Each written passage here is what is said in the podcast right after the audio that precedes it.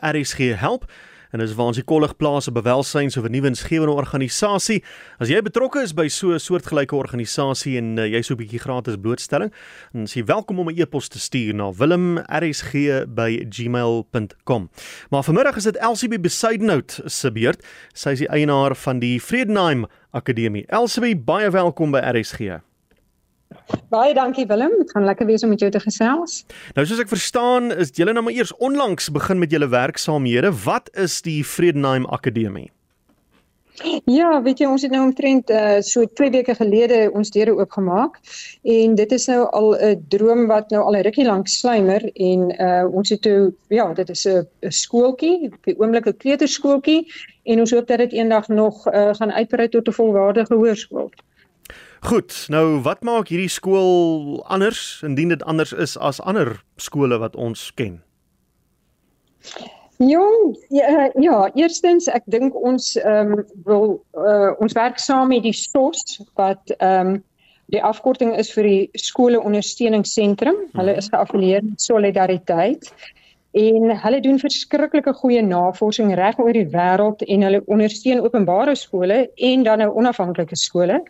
En ons deel hulle waardes en beginsels uh van Christendom, moedertaalonderrig wat nou in ons geval Afrikaans is en ook uh kultuurerfenis.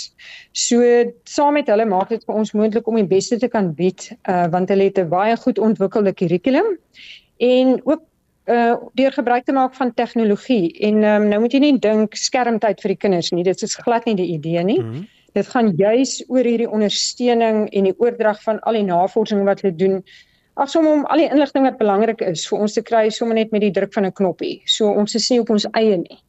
So ek dink dit maak dit uniek. Jy sê dit is nou al lank reeds 'n droom van jou. Waar het hierdie droom pos gevat? ek dink juis met hierdie tekort van skole, ehm um, of nie tekort nog in die in die Wes-Kaap nou spesifiek nie, maar Stellenbosch area net om 'n idee te gee, het die uh, aantal inwoners vanaf so 118000 toegeneem vanaf 2001 en hulle reken dat in 2025 gaan dit alreeds 210000 wees. So dis so knap aan verdubbel. Hmm. En dit is nogal 'n aansienlike groei en um, ons weet mos nou dat baie skole en veral die hoërskole besig is om kinders weg te wys. Ja. So ons droom is dan om hierdie kleuterskool uit te brei en dan ook 'n bydrae te lewer om hierdie probleem op te los. Uh, wil jy wil nou 'n skool oopmaak op jou uh, op jou eiendom op hierdie plaas? Dit gaan seker gepaard met 'n klomp papierwerk en bureaukrate en dinge. ja, dis inderdaad so hoor. Daai vragdokumente wat 'n mens moet invul is nogal uh lywig, maar ek dink gelukkig ehm um, die die deure staan oop van mense. Mense kan aanklop en sê luister, hoe maak ons hier, hoe maak ons daar? Hulle is gewillig om vir jou uh te help hmm. en te voorsien met 'n bietjie advies en so aan. En ek dink dit is ook deel van die uniekheid. Jy jy het net gevra oor uniek en ek dink om op die plaas skool te wees en vir die kinders die plaas atmosfeer aan te bied, dit is dis lekker en dit is ook uniek. Hmm. So in hierdie stadium nog 'n kleuterskool, na watter ouderdomme kyk julle? Uh ja, ons het op hierdie stadium kindertjies 3 tot 5 jaar. Ehm um, en so dit is die kurrikulum met is met ander woorde vir grade triple R tot graad R. Goed, so en van daar af moet hulle nou ehm um, na 'n uh, kan ek maar sê groter skool toe gaan as ek dit so kan stel. Dis reg. Op hierdie stadium is dit nou die Stellenbosch skole, maar ons hoop dat ons daarin binne afsienbare tyd uh hopelik kan oopmaak 'n uh, 'n uh, 'n uh, 'n uh, laerskool ook. Ja. Uh, personeel, waar kom julle aan die leerkragte? ja, daai is nogal 'n uh, goeie een want dit was vir ons van die begin af baie belangrik dat ons moet ek wil amper sê goeie ek wil amper sê super onderwysers kry want ek dink veral vir 'n kleuterskool erg is moet jy 'n super mens wees. ja nee, raggies. so ons het maar uh, dit was maar ehm um, luister, ons het nie uh, geadverteer nie. Ons het maar mooi geluister, goeie verwysings gekry en op daardie manier die, die personeel aangestel. Mm. En uh, as mens nou so kyk na wat julle julle missie is met hierdie kinders, hoe verskil dit van kan ek maar sê uh, sonder om ander kleuterskole in die gesig te vat, 'n gewone kleuterskool?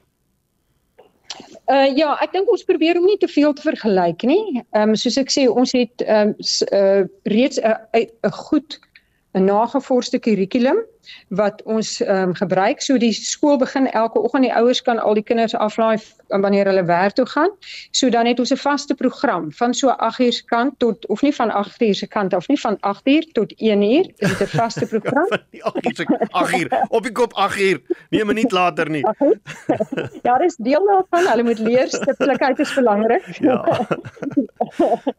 so dan het hulle daai vaste program en uh maar ons glo daaraan dat die kinders moet leer deur speel. Ons glo glad nie daaraan dat hulle op hierdie ouderdom al moet kan lees en skryf nie. Dit is nog nie belangrik nie.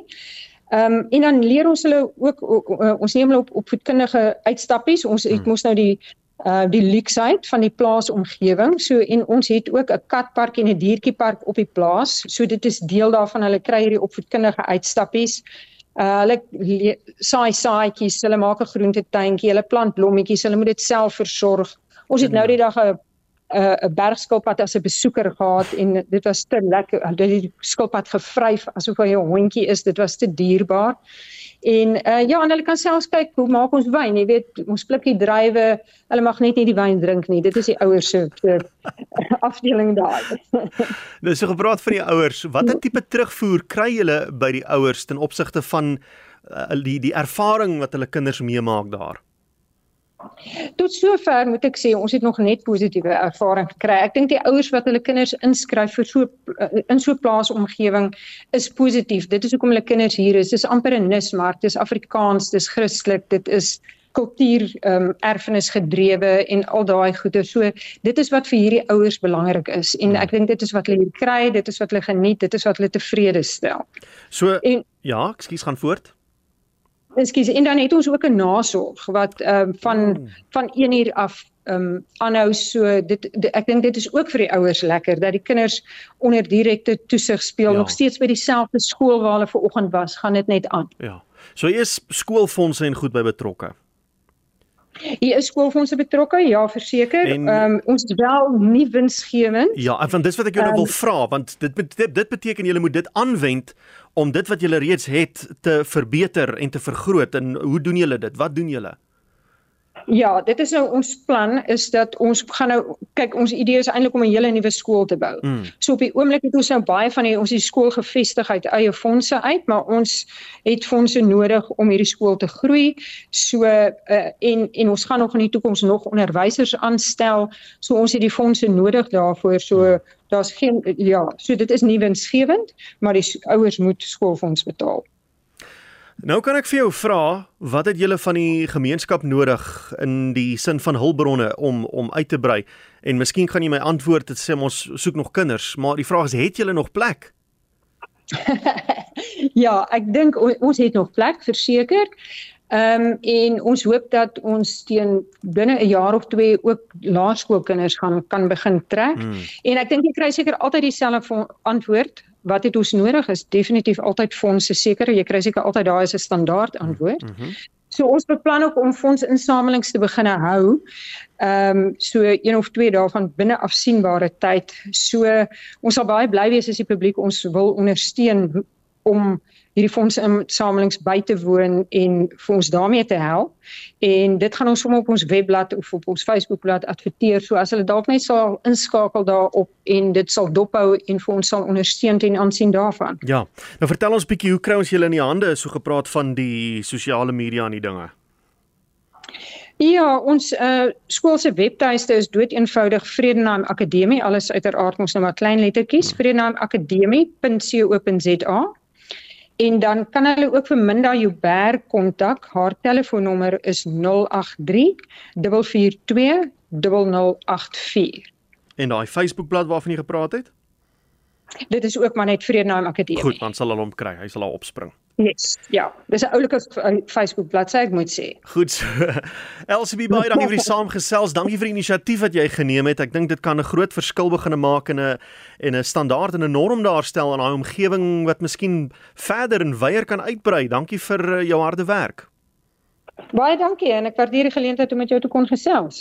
En dit was LCB Besuidnout, sy is die eienaar van die Vredenheim Akademie. Vir meer inligting kan jy hulle webwerf besoek uh, vredenheimakademie.co.za of tik dit net in op Facebook, daar sal die blad opspring of bel vir Minda by 0834420084 as jy meer besonderhede wil hê, kyk hoe hulle werk en hulle werksaamhede en uh, hoe jy hulle behulpsaam kan wees.